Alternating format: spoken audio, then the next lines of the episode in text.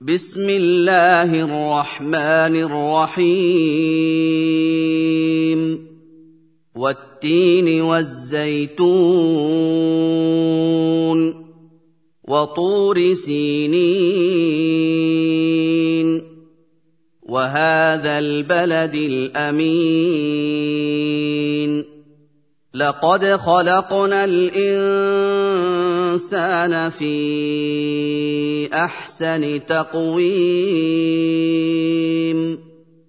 ثم رددناه أسفل سافلين. إلا الذين آمنوا وعملوا الصالحات فلهم أجر غير ممنون. فما يكذبك بعد بالدين. أليس الله بأحكم الحاكمين؟